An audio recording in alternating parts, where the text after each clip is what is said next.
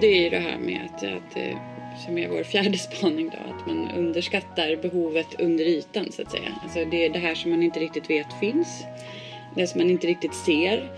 Eh, sen så upplever jag också att, att, att ibland så underskattar man kanske behovet av eh, hur en förändring behöver mottas och, och, landa och hur vi ska jobba med den. För att den är så självklar att vi måste föra in den. Ja. Alltså det kan ju vara en överlevnadsfråga. Vi måste digitalisera den här tjänsten för att, för att annars så kommer vi liksom inte att hänga med. Um, men bara den övertygelsen räcker ju inte för att ändra beteenden för att kunna ta emot den här förändringen. Så att ibland så, så är det ju så att ja, men förändringen i sig är så nödvändig för organisationens, organisationens överlevnad eller det självklara i det. Att, att då är det bara så här, ja men vi måste ju göra det här så att därför så måste ju alla bara acceptera det. Eh, men ändå i det så finns det ju liksom saker som man behöver hantera och ta om hand eh, när det gäller att, att, att kunna Hej och välkommen till Sonderpodden, en podd om framtidens organisationer och ledarskap. Hanna Melin och jag, Love Lönnroth, hade i maj 2022 ett webbinarium om förändringsarbete som vi nu lägger ut som juli månads podd. Vi samtalar kring de organisatoriska förmågorna som krävs för att en organisation ska bli mer förändringsbenägen. De mest använda modellerna för förändringsledning utgår typiskt från fem steg som ska genomföras i projektform. Men de modellerna är dåliga på att ta hänsyn till den kontext som gäller inom den organisation som förändringen ska genomföras i. Vi pratar om behovet av att anpassa förändringsarbetet efter människorna, att jobba med hinderröjning och att göra förändringsarbetet hållbart genom att prioritera bättre. Innan samtalet mellan Hanna och mig så vill jag tipsa om en utbildning som kommer i höst som Sonder gör i samarbete med Coach to Coach och som heter Transformation för en mer agil organisation. Det är en intensivutbildning som vänder sig till dig som arbetar strategiskt med förändringsledning och transformation inom organisationer.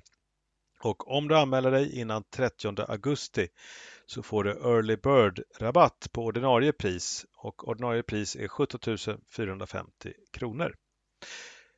23 augusti så har vi ett frukostwebbinarium där vi berättar mer om utbildningen. Maila till mig på love.londrot.sonder.se om du vill få en inbjudan till det. Nu till podden om förändring i komplexitet. Mycket nöje! Hej och välkomna till dagens webbinar eh, och oss i Sondersoffan. Idag eh, tänkte vi prata om förändring i komplexitet Love och jag har ju haft några sådana här seminarier eh, och de eh, tweakar vi lite inför varje gång med nya tankar och idéer som vi har kommit på. Ehm, vi eh, sitter här i Sondersoffan som sagt var och vi på Sonder jobbar ju med organisationsutveckling, förändringsledning och alla möjliga typer av projekt i komplexitet. Och idag så ska vi då fokusera på förändring just. Eh, och eh, vi tar jättegärna emot kommentarer och frågor i chatten. Vi har Sofia som hjälper oss eh, med det och hon kommer att hojta så att vi tar upp några av de här frågorna och kommentarerna under den här timmen. Ehm, ni kan ju också såklart kontakta oss i efterhand för att prata lite mer med oss om de här sakerna. Um, vårt ska säga, säga vad vi heter också eller? Ja. Ja, Love Lönnroth heter jag. Hanna Melin heter jag. jag tänkte att vi skulle komma till det ja. eh, när vi går vidare. Eh, men som sagt var, eh, det är vi som sitter här idag. Eh, och eh, vårt fokus eh, för er som kom nu kommer att vara att vi ska prata om vilka särskilda insatser som krävs när man ska genomföra förändringar och hur man får effekt av dem framförallt. Sen kommer vi också prata om eh, vikten av att se vilken kontext vi är i när vi ska genomföra de här förändringarna och vad det kan betyda för formerna för upplägg och hur man driver de här förändringarna. Och sen mot slutet så kommer vi även att prata om hur man enkelt kan integrera det här i verksamheten. Eh, vi får många frågor eh, i våra seminarier om hur man ökar genomförandekraften och hur man ska driva förändring på olika sätt och vis. Eh, för det är ganska svårt. Så att vi kommer att dela med oss lite av våra erfarenheter och vad vi har gjort de senaste åren i olika typer av projekt där vi enkelt har kunnat lägga in det i verksamheten och organisationen. Är det någonting som du vill tillägga, Love? Ja, nej men eh, det är väl någon, ja en grej som jag känner har varit något som jag har tänkt på en del på sistone kring förändring. Det är ju det här att eh, stoppa in väldigt komplexa organisationsförändringar inom ramen för olika typer av teknikprojekt, det vill säga digitaliseringsprojekt brukar det kallas. Och så på köpet så följer liksom en hel total organisationsomställning. Eh, vilket jag tror att man ofta inte tagit höjd för. Så det är väl någonting speciellt som jag har tänkt på, som jag har observerat. Eh, så det är väl det ena. Det andra är väl att vi har ju båda två eh, just eh, brottats en del med just den här typen av snabb förändring under kaos och kris under pandemin. Så det kan ju vara något att reflektera över också. Mm. När man särskilt behöver fundera över kontexten och begripa den för att kunna liksom ta steg i rätt riktning. Så det är väl, det är väl några sådana här tankar som jag har. Mm. Annars tycker jag att vi kör på. Vi kör på, som ja. vanligt.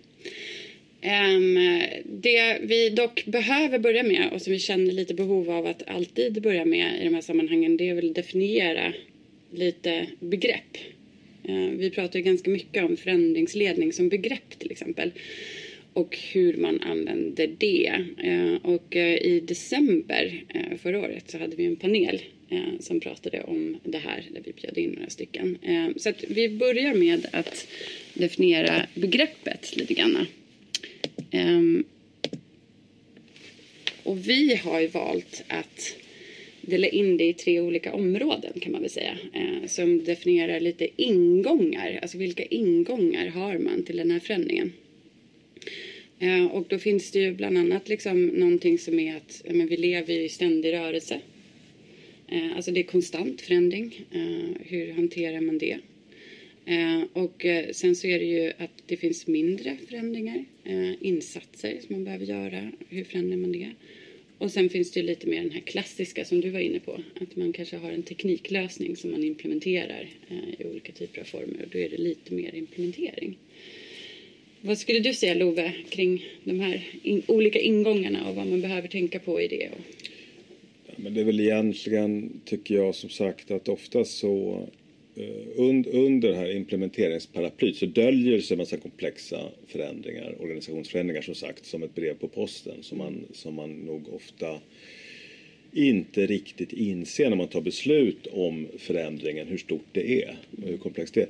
Det andra är väl egentligen, jag tycker att det gemensamma röda tråden när vi pratar förändringsledning, det är ändå att man går från att man har utvecklat någonting eller man utvecklar en ny lösning, man, oftast inom ramen för ett projekt, till någonting som är mer eh, att titta på hur ska det här gå vidare till liksom förvaltning, till linjeorganisationer. Det är ändå, alltså, jag skulle säga att förändringsledning för mig i alla fall handlar mycket om ett perspektivskifte. Mm. Från utveckling till att titta på den organisation man har.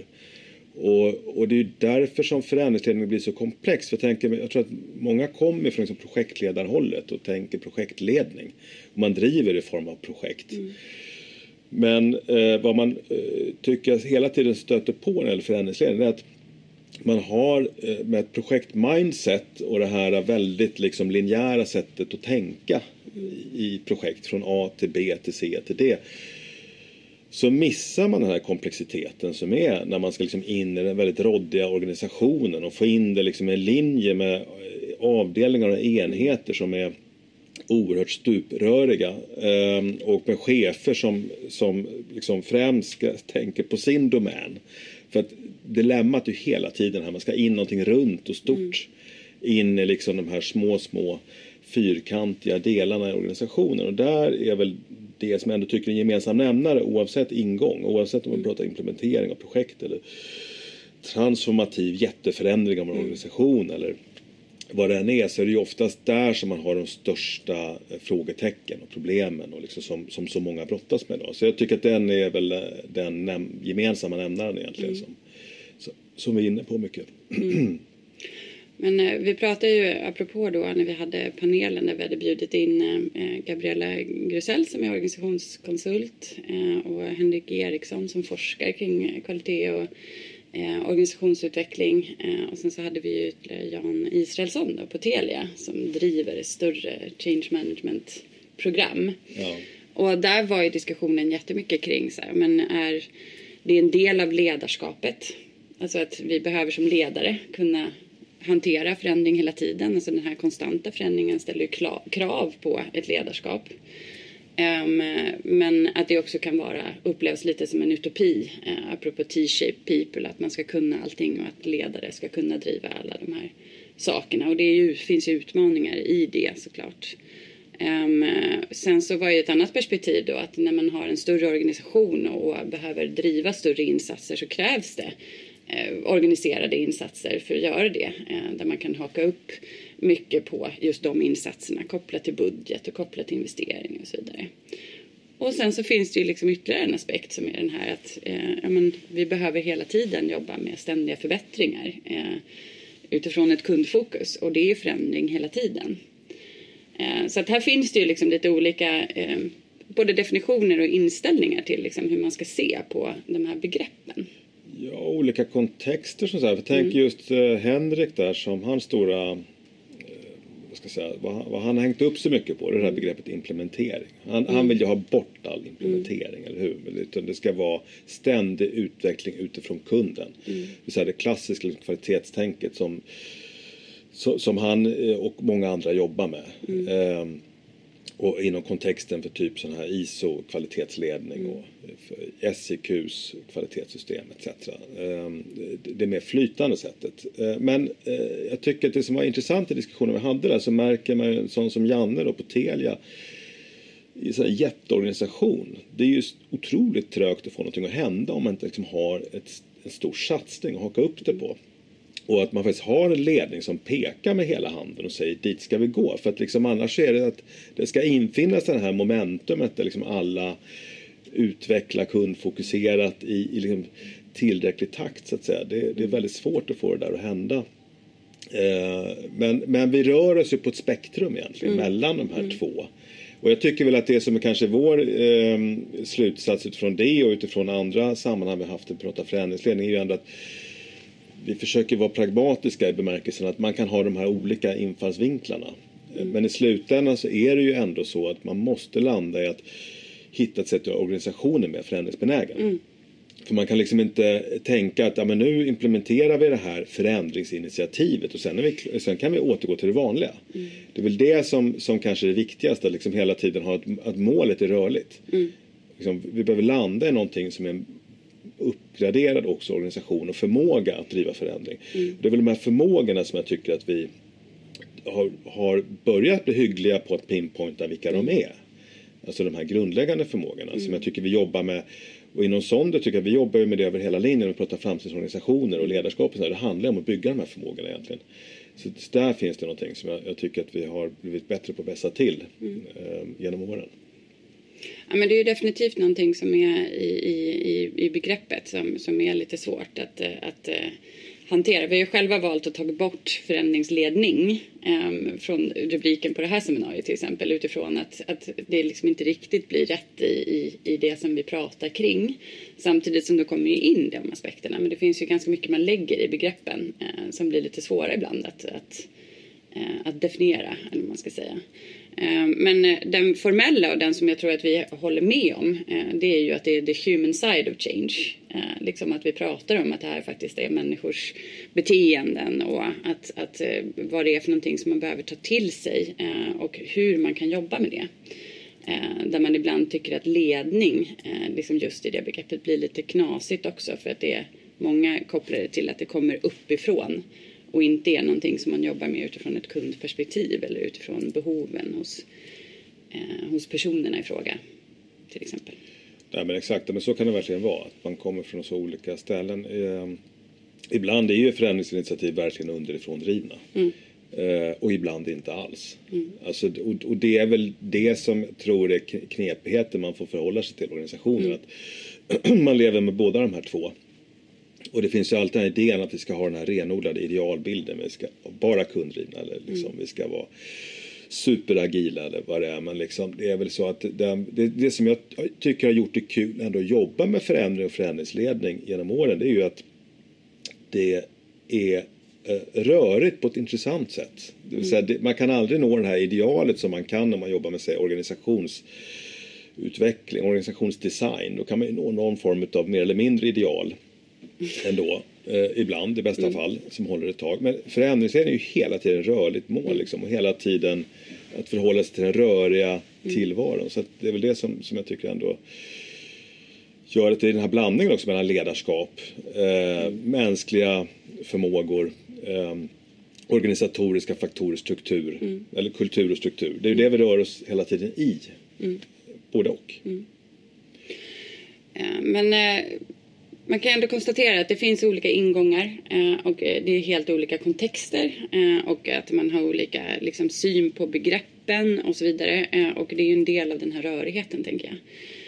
Men det finns ju ändå försök eh, liksom, genom eh, tiderna att försöka liksom, pinpointa ut vad det är för någonting som man bör gå igenom och man bör göra. Det finns ju ett antal modeller eh, Eh, kring förändringsledning eh, som man ändå tittar på. Eh, och vi hade ju besök av Alex Bolting här hos oss för ett tag sedan som jobbar med change i, i organisationer och så vidare. Ehm, som pratar ganska mycket om de här modellerna. Så att, vi kan ju gå in lite på olika typer av modeller som, som eh, ni säkerligen också känner igen. Eh, för att vi hänger ju upp eh, förändringsledning ganska mycket på olika typer av modeller och tänk.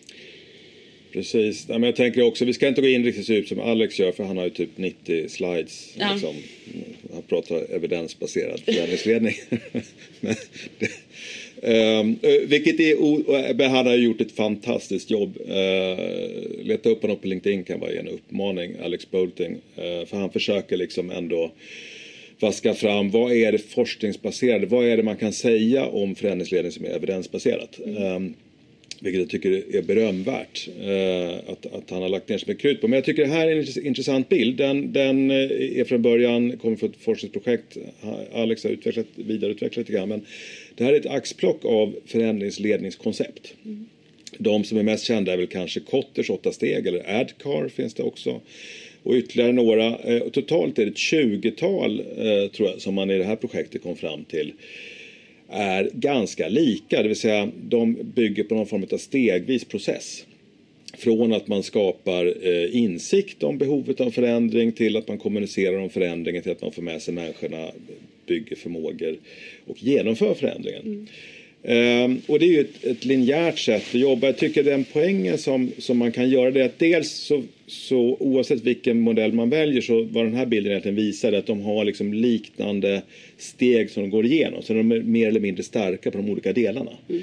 Ingen av modellerna liksom uppfyller all, allt det som forskningen säger då man behöver för att liksom genomföra förändring. Men de är liksom bra på olika saker. Så det är väl ena budskapet att man kan liksom någonstans ta en modell. För alla de här säger förstås att de är, modellen. Vi, det, det, är det här som är förändringsledning. Adcar är förändringsledning, eller Kotter är förändringsledning. En annan sak som är intressant som han har visat är att ingen av dem är ju evidensbaserade. Liksom, även om, om man pratar om forskning och sådär så Kotter som var den mest, den största modellen används mest, utvecklades på 90-talet. Den har inte uppgraderats på 25-30 år det, liksom, den har inte utvecklats. Det finns in, ingen hänvisning till egentligen forskning bakom.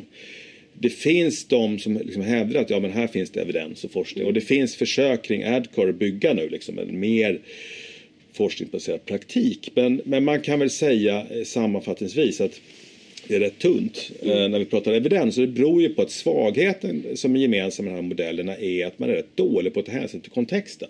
Alltså den mm. första delen att förstå var vi befinner oss. Det är den svagaste delen av de här modellerna. Eh, egentligen. Den svåraste kanske? Den svåraste också, mm. precis därför att den kan man inte göra heller så modellig. Den är inte, alltså, one size fits all, det är det ju inte. Utan då måste man liksom ha förmågan att uppfatta den här kontexten och mm. förstå ledarskap och struktur och allt det här. Eh, jag menar, allt det som vi lägger typ 90 procent av vår tid på mm. eh, när man tittar på vad man egentligen jobbar med. Vad de är starka på alla de här modellerna det är ju typiskt formulera visionen, kommunicera mm. ut visionen. Liksom Empower people. Mm. Där har vi de här delarna som, som är, och plus då sista eh, lägger man mycket krut på det här att få in det här i själva organisationen, i kulturen och i strukturen. Liksom. Det lägger alla modellerna stor vikt vid också. Men, men det är lite viktigt att, att liksom, eh, eh, tror jag, ha ett pragmatiskt synsätt och, och se att det behövs en viss kompetens. Det är vissa förmågor man behöver bygga upp för att bli duktig på liksom, förändringsledning. Och man behöver bygga upp det inom organisationen och inte bara så här projekt för projekt. Att man liksom tar fram en, en förändringsledningsmodell som typ konsulterna kommer med och så kör de den. Och sen så nästa gång tar vi en helt annan. Utan man behöver liksom bygga en förmåga, en organisatorisk för- förmåga att driva förändring. Och, och det är ingen av de här modellerna som egentligen täcker in det där. Utan alla de här är oerhört liksom, projektbaserade. Så det tycker jag är kanske det viktigaste budskapet. Att det här projektifierade, projektbaserade sättet att se på förändringsledning, det, det blir för kortsiktigt. Den tycker jag att, att eh, han inte minst har varit rätt duktig på att peka ut. Att där har vi liksom ett problem för många. Sen är det väl överhuvudtaget så att, att det, det är, finns en, en förkärlek till att eh, ha modeller och, och sekventiella em, liksom, em, steg eh, som man kan förhålla sig till i. För att, för att förändring är svårt. Det är jobbigt. Eh, det, kan vara, det kan vara smärtsamt. Eh, ibland. Eh, och då vill man väl gärna ha någonting att förhålla sig till. Eh, och jag tänker att det behöver man, och det kan bli sådär rörigt som vi pratade om i början. Och då vill man ju gärna ha de här stegen. Eh, sen så är det väl också så att man ofta inom organisationen också vill ha ett slut. alltså man vill kunna definiera, liksom så här, ja, men ha a definition of done. Eh, så att man vet att man kan ta vidare till nästa steg och så vidare. Så, så är det ju. Och det, det är därför som eh, man kan väl säga att en, en sån här modell gör ändå nytta. Alltså att, att ha en, en modell, att ha en idé om hur man driver förändring är bättre än att inte ha en idé om Ja. det. Så kan man väl liksom sammanfatta. Det spelar inte jättestor roll om man tar Kotter eller Adcar eller någon av de här andra. Ehm, men det är bättre att ha en praktik om man inte redan är kung på att driva förändring. Det finns ju de som är riktigt duktiga på det, liksom, som, som är mer pragmatiska eller modellagnostiker. Men, men eh, så absolut. Och, och, och det, det, det tycker jag, det vi hade, den här panelen vi hade i december så pekar ju inte minst eh, Janne där från Telia på det. Liksom, att det är viktigt att ha någonting att hänga upp det på. Också i det fallet att ha förändringsledare, alltså personer som får en coachande roll i förändringsarbetet. För att faktum är att i eh, många organisationer idag eh, så, så, så är ju cheferna så otroligt tungt belastade så man kan liksom inte slänga på och, och inte bara chef utan medarbetare. Man kan inte bara liksom lägga på ett lager av förändringsprojekt och förvänta sig att det ska kunna genomföras enligt plan om man inte har personer som faciliterar förändringen och som coachar och som hjälper till. Ehm, eh, även om det ofta är naturligtvis bäst om man kan ha sådana som också är linjechefer som är de coacherna och så vidare. Men det är ju den bästa av världar för det, det vet vi att så ser det sällan ut. Så att, Nej, jag, så jag vill absolut inte såga eh, idén att använda modell. Eh, däremot är det viktigt att, att förstå liksom, att det inte är någon sån här silver bullet att åh, vi har den här modellen och den är fantastisk och den här är mycket bättre än alla de andra 20 modellerna. Och jag kan säga också inom parentes, de här eh, olika eh, stepwise models. Eh, de utgår ju från eh, Kurt Lewin som var organisationspsykolog. Han formulerade på 40-talet en, en otroligt simpel idé som var eh, förändring handlar om att unfreeze, det vill säga att liksom lösa upp, göra lite mer rörligt i organisationen. Och, och, och sen genomföra förändringen och sen återfrysa. Så liksom hela, hela konceptet går ut på att vi har ett stabilt läge, sen så liksom unfreezar vi det och så jobbar vi med förändring och sen så återfryser vi det och så återgår det till det vanliga liksom. Fast på ett förändrat läge. okej. Mm. Alla de utgår från samma grundtänk och det är viktigt att liksom se det. Att, att eh, när vi jobbar med så rörliga mål som vi har idag och behovet av att allmänt bli mer agila och snabbrörliga och så vidare så kan man inte längre riktigt tänka så. Så att modellerna kan också leda tanken lite fel. Så det är väl det som är det viktigaste här. Att man behöver liksom tänka också organisatorisk förmåga. Vad behöver vi bygga för förmåga på sikt? Och, och sen tänker jag också att det är ju människor. Eh, och människor är ju komplexa och är helt olika förändringsprocesser hela tiden. Och det är individuellt. Ehm, så att the human side of change är ju någonting som man verkligen inte får, eh, får, får tappa i det. Ja, det är ju därför som man har, det är därför som det uppfattas som problematiskt det här med förändringar. Så är det ju. Ehm, det, det, alltså det, det är ju just det här med att det, att det är människor. Det är ju hela poängen med att man har förändringsledning. Vi inte bara kallar det för projektledning. För på något sätt har det ju ändå blivit så att projektledningen har blivit det här att löst upp det här med strukturerna, se till att utveckla tekniken etc. Liksom, få mm. saker att hända.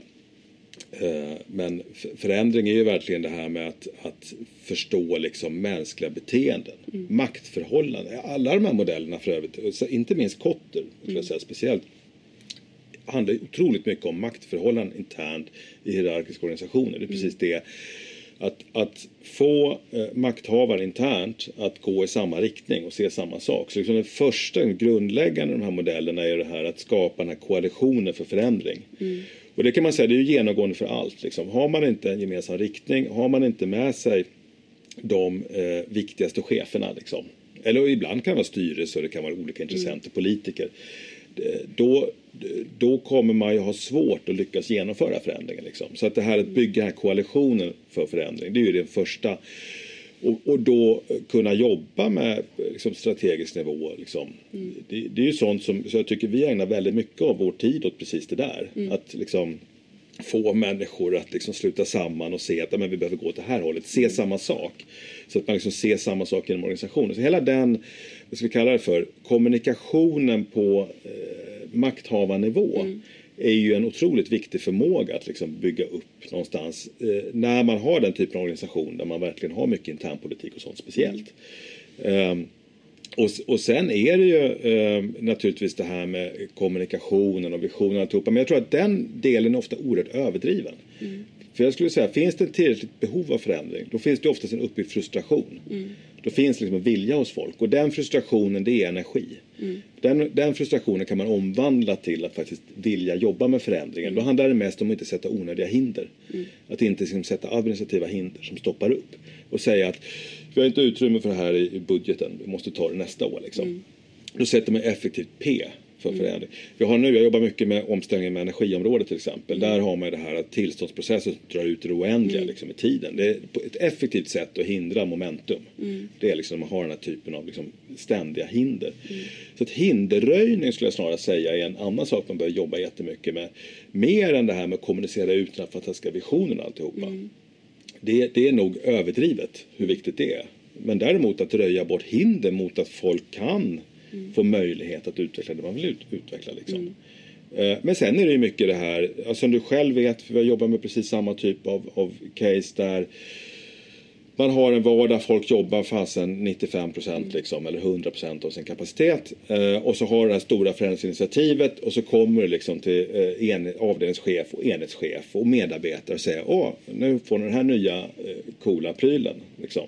Eh, som ni ska använda. Som, som ni ska ta till er. Mm. ni behöver gå en kurs. Mm. Ja, men ni, ni behöver införa tacka sjutton för att det är jobbigt. Mm. Uh, så hela det här att skohorna in den här utvecklingen, där tror jag att, att det är ju verkligen någonting man behöver liksom jobba med. För det är lite grann som den här bilden av en boorm som sväljer en get. Liksom. Det, är ju, det är ju så det ser ut på organisationen. De ligger liksom med de här jätteuppsvällda. Ja. Mm. Uh, och där tror jag att man behöver tänka på det där från början. Man börjar så här förändringsinitiativ måste man ha med sig liksom, linjen från början. Mm. Och där tror jag ofta att man tänker, nej men vi ska inte besvära dem. Mm. De, de, vi ska låta dem vara. Mm. Eh, vi sätter det liksom inom ramen för det här projektet. Sen så i sluttampen så kommer man till linjen och ska liksom sälja in det här. Det är då man börjar prata om det här med att hantera motstånd och sånt. Mm. Och det är otroligt onödigt. För det är så, sånt, det, med det mindsetet så är det så att man kommer liksom, man har någonting färdigutvecklat och säger varsågod och svälj. Istället för att ha med sig folk från allra första början. Liksom, mm. Att man åtminstone förstår att men det här kommer att hända. Mm. Så man har tid att preppa för det. Och kanske också tid att bygga om linjen. Ibland måste man bygga om organisationen för att lyckas med förändring. Mm. Eh, och det måste man fatta tidigt för annars är det ju alldeles för sent att börja liksom mecka med det. Om man nu ska få det här att hända i tid. Så jag tror att där, där är några sådana här eh, kärnor i det hela. Liksom. Mm. Att först kunna jobba med det här, bygga den här koalitionen för förändring, få med mm. sig makthavarna. Sen att röja hinder och att ha med sig liksom hela tiden liksom målet i sikte. Mm. Eh, men eh, jag tänker att om vi, om vi summerar lite våra, våra spaningar eh, och så kan vi släppa in lite för frågor ifall det finns några och höra med Sofia. Men vi har ju några spaningar ändå. Eh, och lite som jag varit inne på att ibland eh, så är det lite finns det en viss övertro på de här sekventiella modellerna som vi var inne på. Eh, man vill ju gärna ha någonting att hänga upp det på men man behöver ju forma dem efter både kontexten och alltså, vad, vad behoven är för några. Och sen se till att man inte slaviskt följer någon av de här metoderna egentligen utan att man hela tiden är med i det röriga för att få in det som behövs. Ja, det är ju inte fel och, och man måste våga bestämma, ta, ta kontrollen över modellen. Säger så. Mm. Den mm. tror jag är jätteviktig. Mm. Inte vara skraj för inte, inte tänka till Bibeln. Och här är någon guru som har liksom tänkt ut allt, för så är det aldrig. Mm. Det här är modeller som ofta akademiker har utformat som är eh, mer eller mindre ändamålsenliga. Mm. Och sen så har vi det human side av det då. Eh, att, att man reagerar olika och man behöver hantera det när det uppstår. Eh, och man behöver hantera det liksom proaktivt hela tiden. I liksom.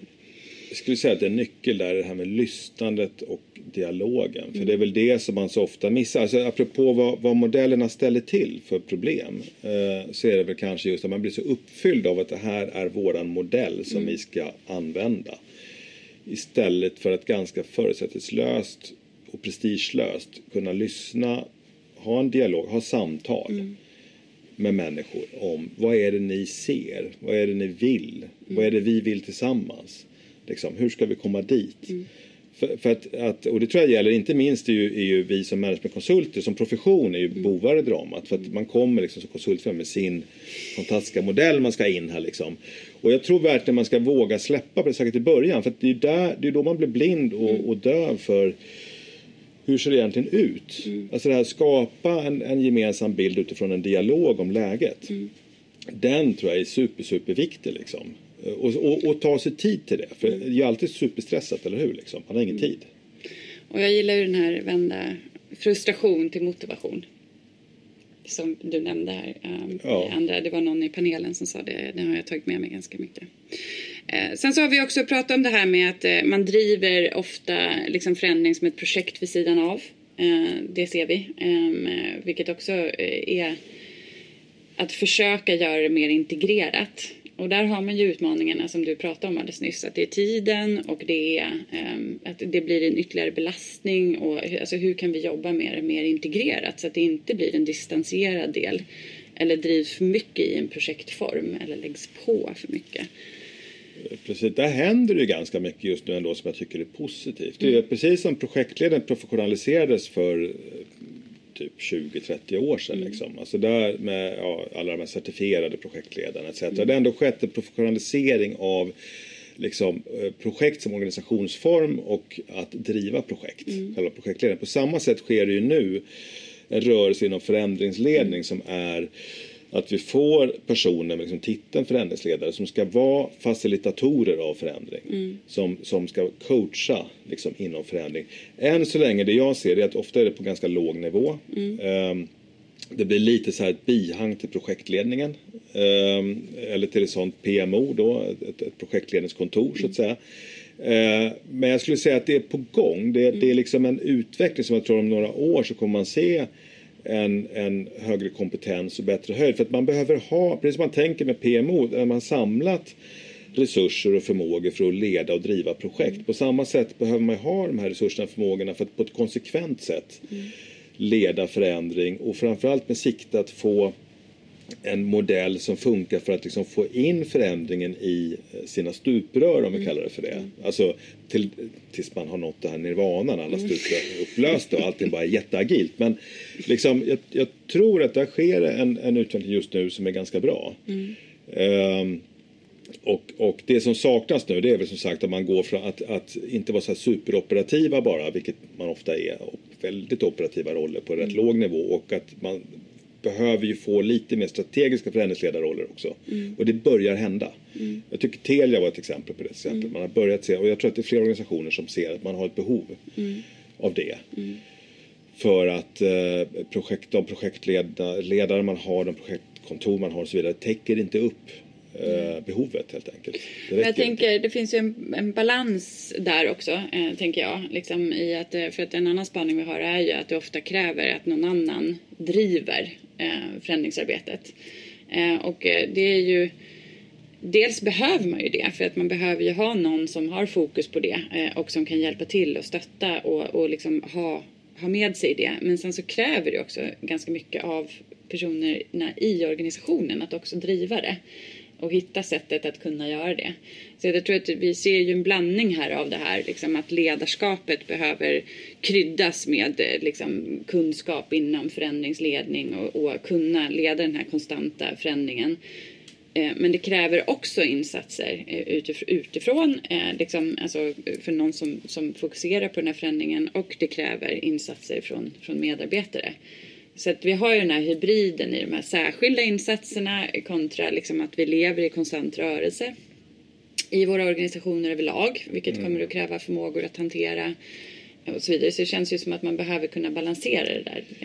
Ja, och kanske framför allt att det är klart, apropå att, att förändringen blir en sidovagn liksom, eller ett mm. sidospår och, och, och sådär. Det är ju att um, fel analysen som görs gång på gång på gång på gång det är ju liksom att man ser bara behovet av de så att säga hårda förmågorna. Mm. Att man tänker det här är ett teknikprojekt för väldigt mycket cirklar just nu kring digitalisering.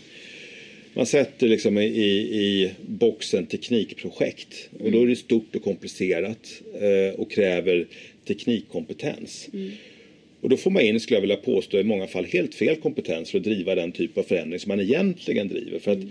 numera ett teknikprojekt, eh, säkert digitalisering, utgår ofta från ganska standardiserade lösningar. Mm. Det, det, är inte tekniken som är det superkomplexa liksom, egentligen. För mycket av det finns liksom på hyllan, mer eller mm. mindre färdigt att plocka ihop. Nu överdriver jag kanske för er som är tekniker och lyssnar på det här, men i alla fall min syn på det. Mm. Det man underskattar hela tiden är ju precis det här mänskliga förändringen, maktspelet, allt det där som verkligen ställer till det. Det är liksom 80 procent av jobbet. Mm. 20 procent kanske är teknik, men man tillsätter kompetens som om det är 80 procent som är teknik och 20 procent som är människan. Mm. Där är ju ett, ett, ett jättedilemma idag, att man tar in fel kompetens. vill jag absolut sticka ut hakan och säga. Eh, eh, jag, menar, jag, jag kan bara se hur, hur det ser ut nu liksom. Eh, alla projekt som drivs. Det är nästan alltid under liksom, ra, eh, flaggen. Eh, det kan vara IT, det kan vara hållbarhet, det kan vara liksom på 90-talet var det affärssystem och det är som man kan inte släppa det här liksom. Det, det, det, och, och, och, det är väl kanske också, jag vet inte, eh, jag, jag tycker jag börjar se något, det finns något sorts manligt paradigm i det här liksom. Som jag tror inte bara är könsbundet, men det finns en idé om att det här, det är lite den här, eh, det man kallar för de mjukare sidorna och så vidare. Det är det som börjar bli det riktigt hårda och det riktigt svåra och det är där man verkligen behöver jobba. Det tillsammans med styrsystemen. För det som också ställer till det hela tiden det är mm. vårt styr och uppföljningssystem som inte alls eh, följer det vi vill nå. Alltså mm. där, som cementerar en befintlig struktur, mm. befintlig liksom, förvaltande organisation som gör den väldigt icke förändringsbenägen för alla sitter och håller så hårt i sin, eh, vad ska jag säga, sitt sugrör eller sitt stuprör mm. och sitt, sin uppföljning och de parametrar som är viktigast för mig. Mm. Så i valet och kvalet som avdelningschef så prioriterar jag hela tiden det som jag vet kommer avgöra eh, vad jag eh, liksom blir dömd på så att säga. Mm. Eh, vilket oftast inte är de här som går på tvären, projekt som berör många. Mm. Utan det är liksom resultat som bara berör min avdelning, mm. som, som avgör min prestation. Så en, en, det är också den typen av frågor som man behöver adressera, själva styrningen för att liksom kunna uppnå förändring. Och där, där eh, finns väldigt många synder idag. Mm. Och det är ju det här med att, att eh, som är vår fjärde spaning då, att man underskattar behovet under ytan så att säga. Alltså det är det här som man inte riktigt vet finns. Det som man inte riktigt ser. Eh, sen så upplever jag också att, att, eh, att ibland så underskattar man kanske behovet av eh, hur en förändring behöver mottas och, och, landa och hur vi ska jobba med den. För att den är så självklar att vi måste föra in den. Ja. Alltså det kan ju vara en överlevnadsfråga. Vi måste digitalisera den här tjänsten för att, för att annars så kommer vi liksom inte att hänga med. Um, men bara den övertygelsen räcker ju inte för att ändra beteenden för att kunna ta emot den här förändringen. Så att ibland så, så är det ju så att ja, men förändringen i sig är så nödvändig för organisationens, organisationens överlevnad eller det självklara i det. Att, att då är det bara så här, ja men vi måste ju göra det här så att därför så måste ju alla bara acceptera det. Eh, men ändå i det så finns det ju liksom saker som man behöver hantera och ta om hand eh, när det gäller att, att, att kunna få ut effekterna av det som man Så, så är det ju. Ändra. Men, men du sätter fingret på någonting. För jag tror att är det verkligen avgörande för organisationens överlevnad. Då är det prioriter, högprioriterat. Då, då kommer det att genomföras. Man behöver inte vara orolig för det. Jag tror att det, det som många däremot sitter med nu. Det är ju liksom en portfölj av förändringsinitiativ. Där man inte har vågat prioritera. Och inte liksom dödat de initiativen som inte leder någon vart. Eh, som suger energi. Inte minst från de som är satta att jobba med det. Eh, som någon sorts förändringsledare. Där tror jag är, också en viktig eh, liksom, grej att våga faktiskt prioritera och sätta ner foten i de här grejerna vi ska göra. Det där gör vi inte, eller det parkerar vi. För det är ju en annan fråga som jag tror att, att eh, många brottas med idag. Man har liksom de här jag brukar kalla dem för flygande holländare. Flyger runt så här, liksom, mer eller mindre spökprojekt som liksom, fortfarande lever men de är inte men, men nätt och jämnt. Ehm, så är en sak. Det andra är det här med under ytan. Tror jag är superviktigt. Eh, Och jag tänker, eh, för att göra lite reklam för, för vad vi jobbar med. eh, Vi har utvecklat ett verktyg som vi kallar för Sonde Canvas. Som är precis det här att jobba med de här olika förmågorna. Som styrning och ledarskap och liksom samspel. Ehm, och, och vi har någon liten teknikruta också men det är en ruta bara av många. Därför att det finns så många sådana här bitar med kompetens, lärande.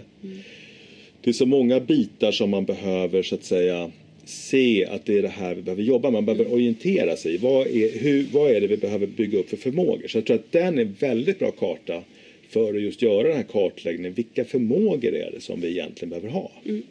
För att lyckas med förändringen. Och den analysen tror jag är superviktig. Den eller någon form av sån här grundorsaksanalys. Liksom. Det finns ju massa sådana här verktyg. Men något sånt som man går, man, man verkligen går steget längre från det här alldeles uppenbara som är på ytan till det som är under ytan. Det tror jag är oerhört avgörande.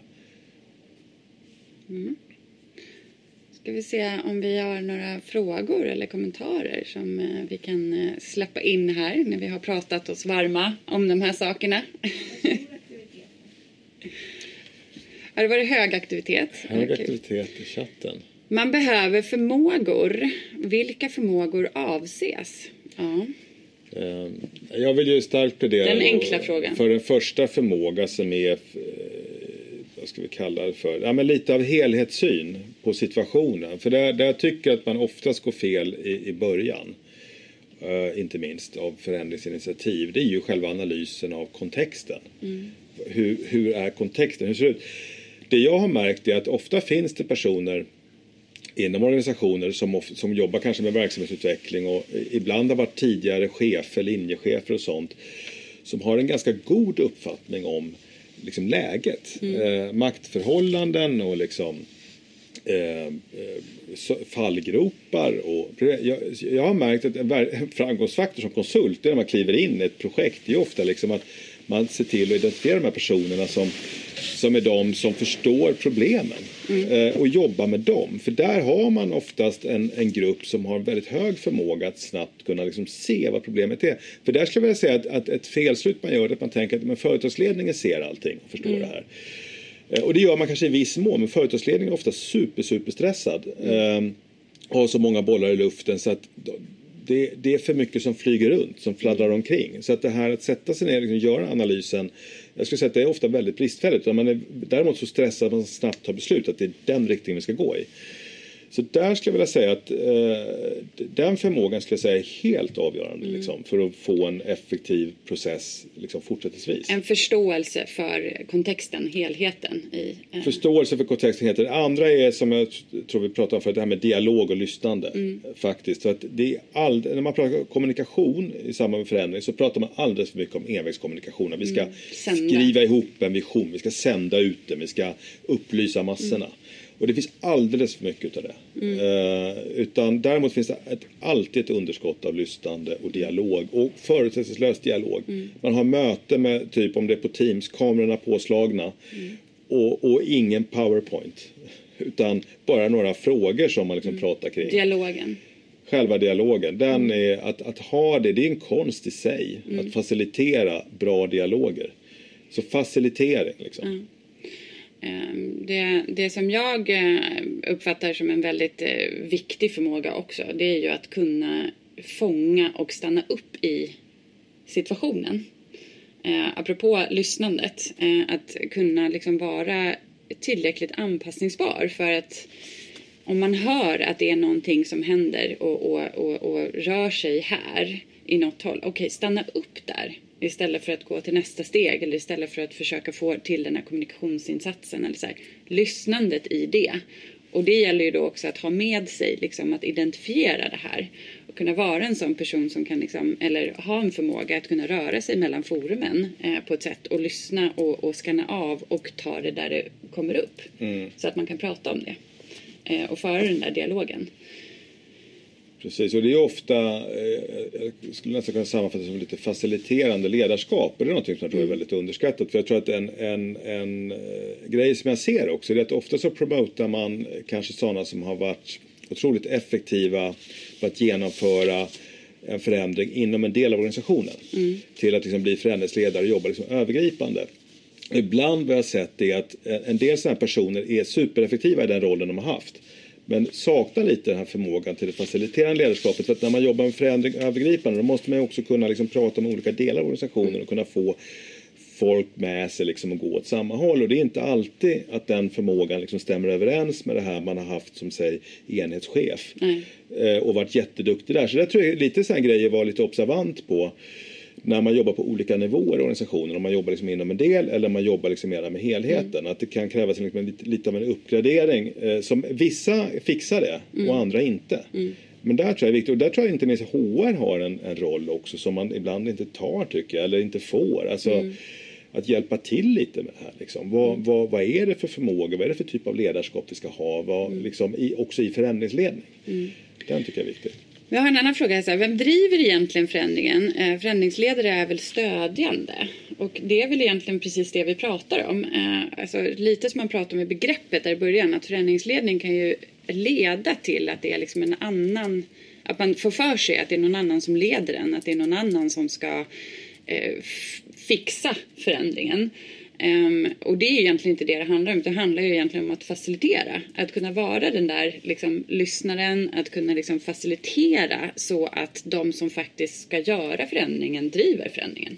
Det är väl ja, det som är det ultimata målet. Liksom. Så är det precis. Det, alltså samma ansvarsförhållanden ska ju gälla. Om det inte är något alldeles exceptionellt, man har en typ av krisledning man tillsätter tillfälligt. Men mm.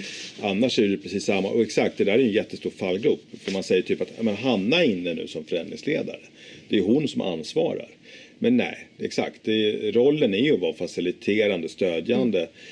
Inte att ansvarsförhållanden måste ju alltid följa liksom det man har inom organisationen. Mm. För att i annat fall så går det ju garanterat snett liksom. Mm. Eh, med tiden. Om inte annat.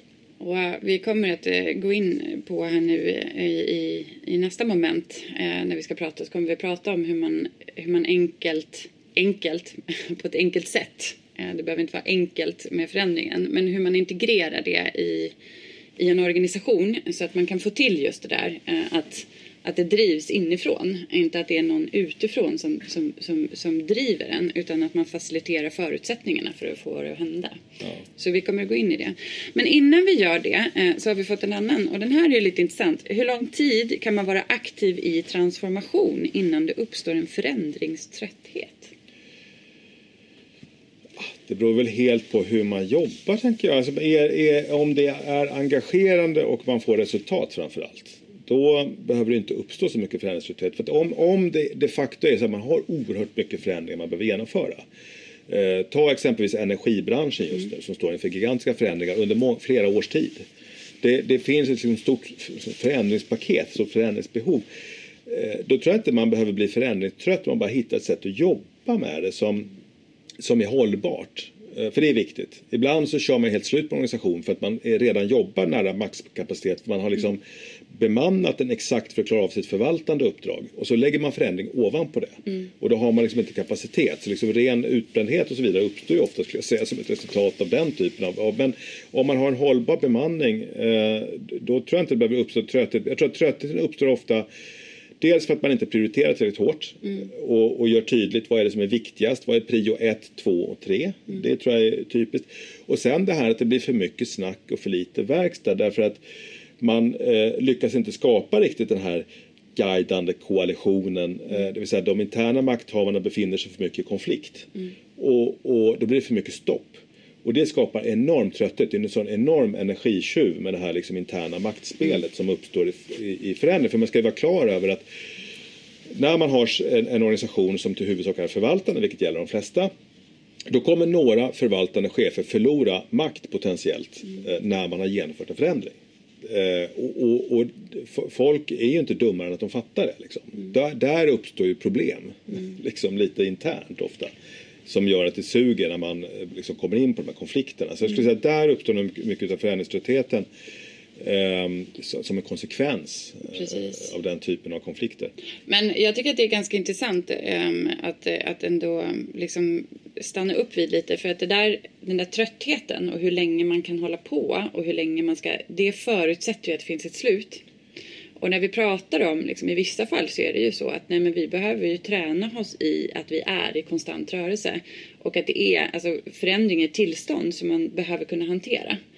Eh, så det finns ju en annan del av den här tröttheten som är, som är eh, någonting som vi kanske inte kommer komma undan för att vi blir ju kanske aldrig färdiga. Så att det beror liksom, finns ju en del som är den här projektliknande där det finns ett definierat slut eller det finns ett definierat där man kanske behöver liksom hantera det. Men sen finns det ju den andra sidan också som verkligen är hur utvecklar vi förmågorna i organisationen så att man kan klara av den här konstanta förändringen? Ja, och sen också säga, rent krasst, vi behöver, det behöver finnas kompetens och kapacitet för, för förändring. För, mm. för att jobba med förändring och utveckling. Och idag har man som sagt rätt avlövade organisationer. Man ofta har minimerat eh, eh, kapaciteten till det förvaltande uppdraget. Mm. Och så tänker man att förändring är en tillfällig grej där vi tillsätter tillfälligt projekt där vi tar in tillfälliga personer som jobbar med det. När det är klart så skickar vi ut dem och så återgår vi till den väldigt minimerade besättningen som ska driva den här skutan liksom efter givna förutsättningar.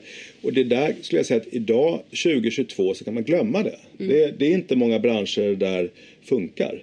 Eh, om ens någon. Mm. Utan idag behöver man tänka att det behöver finnas en kapacitet. Ibland blir den kapaciteten kanske redundant. Mm. Därför att vi, vi behöver inte ha förändring. Så problemet är att bemanna det där med rätt kompetens. Och då kan det vara så att man behöver leva med att vi behöver ha en, en viss andel av vår kapacitet behöver vara tillfällig bemanning och konsulter. Det är nog många som har kommit till den slutsatsen. Mm. Därför att vi behöver kunna växla snabbt kompetens. Liksom. Mm. Det är ett reellt problem idag. Mm. Eh, och, det tror jag man behöver bara se lite sanningen i vitögat och inse att vi kan inte ha den här minimerade besättningarna med bara förvaltande uppdrag för att så är inte verkligheten. Mm.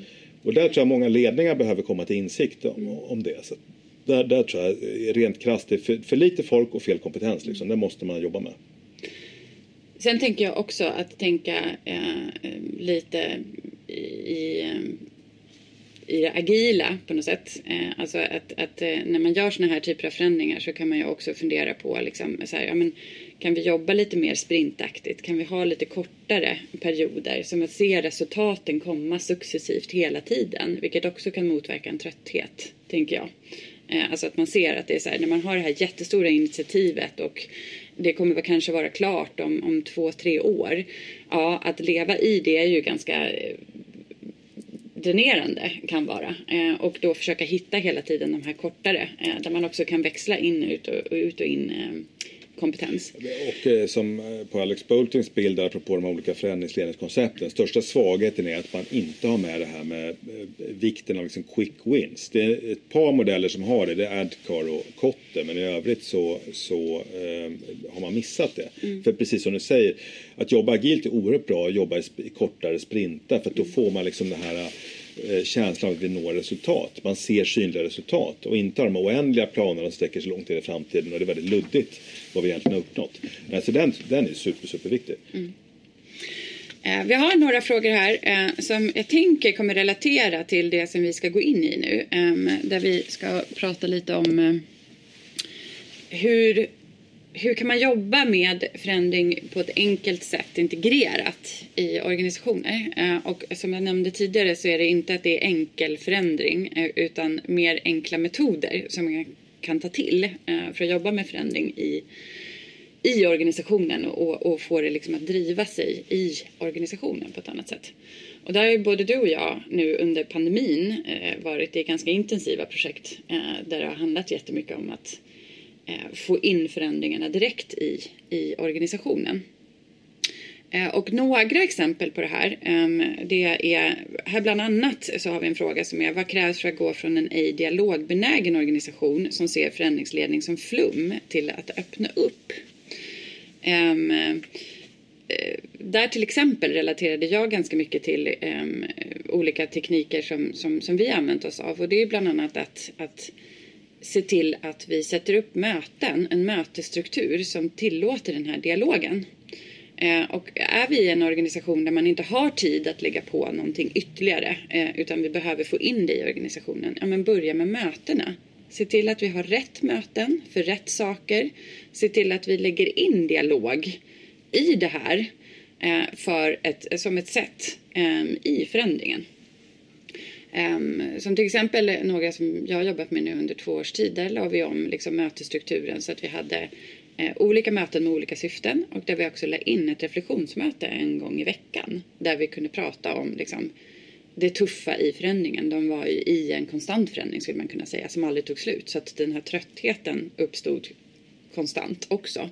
Eh, och då gäller det liksom att ha avsatt tid för hur reflekterar vi kring det här och hur kan vi, vad kan vi sätta in för typer av åtgärder? Hur kan vi stötta varandra? Hur kan vi göra um, för att få in det? Ehm, så att ett, ett sätt är att jobba med mötena och se till att vi har rätt möten med rätt syften i det här. Och det blir som en form av nudging i att få till den här dialogen. Att vi öppnar upp mer och mer och pratar mer och mer med varandra. Eh, och egentligen så är det relevant oavsett om man är i en förändring eller inte. Eh, men det är ett sätt att göra det när man liksom inte kan ha de här särskilda insatserna vid sidan av. Utan att vi behöver få in det i den normala, alltså i vardagen. Ehm, och avsätta tid för det i de mötena eh, som vi har redan. Och i det här så blir det också då kopplat till, ja vi behöver jobba mer med teambaserade arbetssätt. Apropå att öppna upp, apropå att liksom kunna ta till sig saker och jobba med människor och individer så handlar det om den här psykologisk trygghet. Eh, det handlar om att vi behöver hitta en jämbördighet oss emellan.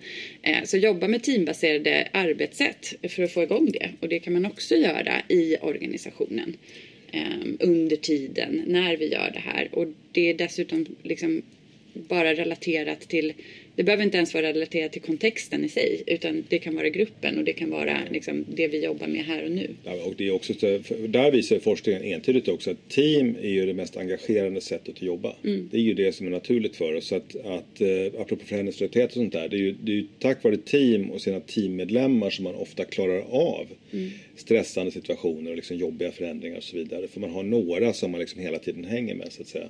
Så den är eh, absolut, det, det team är ju liksom modellen. Mm. Så att jobba med möten och jobba med teambaserade arbetssätt är någonting som vi har, har, har sett väldigt, väldigt framgångsrikt oavsett egentligen ifall det gäller en förändring eller inte. Men det är att kunna få till förändring i det, eh, att jobba med existerande former eh, och hitta nya sätt att arbeta i det.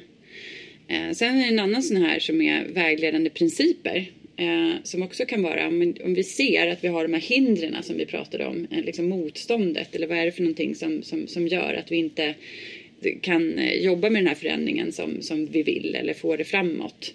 Eh, ja, men hitta de här enkla vägledande principerna som jag kan använda mig av vardagligdags. Um, jag jobbar med en organisation just nu som, som jobbar med såna här typer av guiding principles för att åstadkomma en, en förändring. Uh, för att undvika det här med visionen och eh, liksom att vi ska trumma ut saker och göra stora insatser.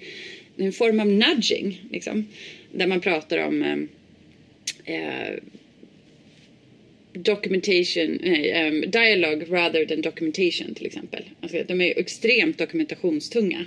Eh, hur ska vi få alla att försöka gå åt dialog istället för dokumentation? Okej, vi jobbar med den här principen och det är någonting som alla kan jobba med i alla situationer eh, och tänka till en, en, en extra gång innan jag sätter igång någonting. Och det här är också någonting som man kan integrera som förändring i organisationen. Eh, men det är på ett enkelt sätt. Mm. Eh, och som alla kan jobba med. Så möten, teambaserade arbetssätt och liksom, de här enkla principerna som man kan landa i. Ofta så här, tycker med. vi ofta jobbar med det här med från och till. Alltså man har så här, från eh, förvaltande till utvecklande till exempel. Så. Alltså några, några så här enkla mm. som är lätta att ta till sig. Det, det, det är superbra mm. eh, att ta med sig. Mm. Tiden rinner iväg. Det det. Ehm, och eh, vi har fångat några, eh, några eh, frågor och kommentarer. Ehm, men vi behöver börja runda av. Eh, och eh, vi kommer att kolla i chatten och vi kommer att, att, att titta på vad som har kommit in eh, och vi finns ju tillgängliga efteråt. Som ni hör så finns det ju massvis av saker att prata om kring just det här ämnet och vi är väldigt engagerade i det. Ehm, om vi skulle summera lite Love, ehm, vad tänker vi då? Ja, apropå den här bilden här med One Trick Ponies så, så är väl en grej som är viktig det är att se att man behöver ha eh, olika kompetenser liksom. Man kan inte ta in en eh, förändringsledare eller expert som liksom är bra på en grej, typ en pryl. Mm. Därför att det handlar så mycket om, om olika förmågor att förstå liksom, kontexten. Så det är väl en mm. viktig, det här med multikompetens liksom, eller generalist faktiskt, bredd. Mm. Lite T-shaped people som många pratar. Ja, och, och kanske att det finns mer bredd och, och alltså inte, inte stirra sig blind på den här liksom specialistkompetensen inom ett visst område. För det är ofta inte det som är avgörande utan det är liksom att man ser bredden. Ja. Och sen så kan vi också konstatera att, eh, att eh, man behöver ha en förståelse för kontexten för att kunna anpassa formerna för förändringsarbetet. Eh, så att det behöver finnas ett sätt att fånga kontexten. Och det var en fråga här som inte riktigt hann gå in på liksom hur man fångar den här kontexten. Men jag tänker att det handlar om att lägga ganska mycket tid i början på att se så här, vad är vi i för kontext? Är det här bara någonting som vi kan föra in? Eller vad kommer det att få för konsekvenser? Hur kan vi... Så att anpassa liksom formerna för förändringsarbetet och insatserna efter kontexten. Ja, vad är det för kultur? Vad är det för liksom, typ av ledarskap? Vad är det för styrning? Det är ett antal sådana saker. Jag tror att ofta så, eh, om man ska plädera för att ta in sådana som oss, så är det ju där vi gör bäst nytta. Det är ju att hjälpa till att förstå det där. Där behöver man ju ofta ta in någon speaking partner, liksom. få någon sorts utomstående syn också. Och få, för, för att det, det där är svårt när man liksom har simmat i samma vatten länge. Så, så blir man ju lite blind för hur man funkar jämfört med andra kontexter. Så den tror jag är viktig. Ja. Och sen så handlar det också om att, att, att se till att ha de här förmågorna som kan, kan hantera komplexiteten, oförutsägbarheten och framförallt människor. ja. Det kommer alltid tillbaka till människan. Människan kommer alltid tillbaka. Ehm, men nu är ju tiden eh, mer eller mindre slut. Så att eh, vi får tacka för det här, tänker jag. Eh, och hoppas att vi kunde ge, skicka mer eh, lite insikter, lite av våra åsikter också. eh, men också erfarenheter.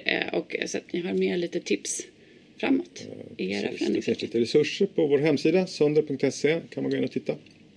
Eh, så, så att botanisera bland allt vi har. Tack så mycket. Tack så mycket. Ha en fin helg.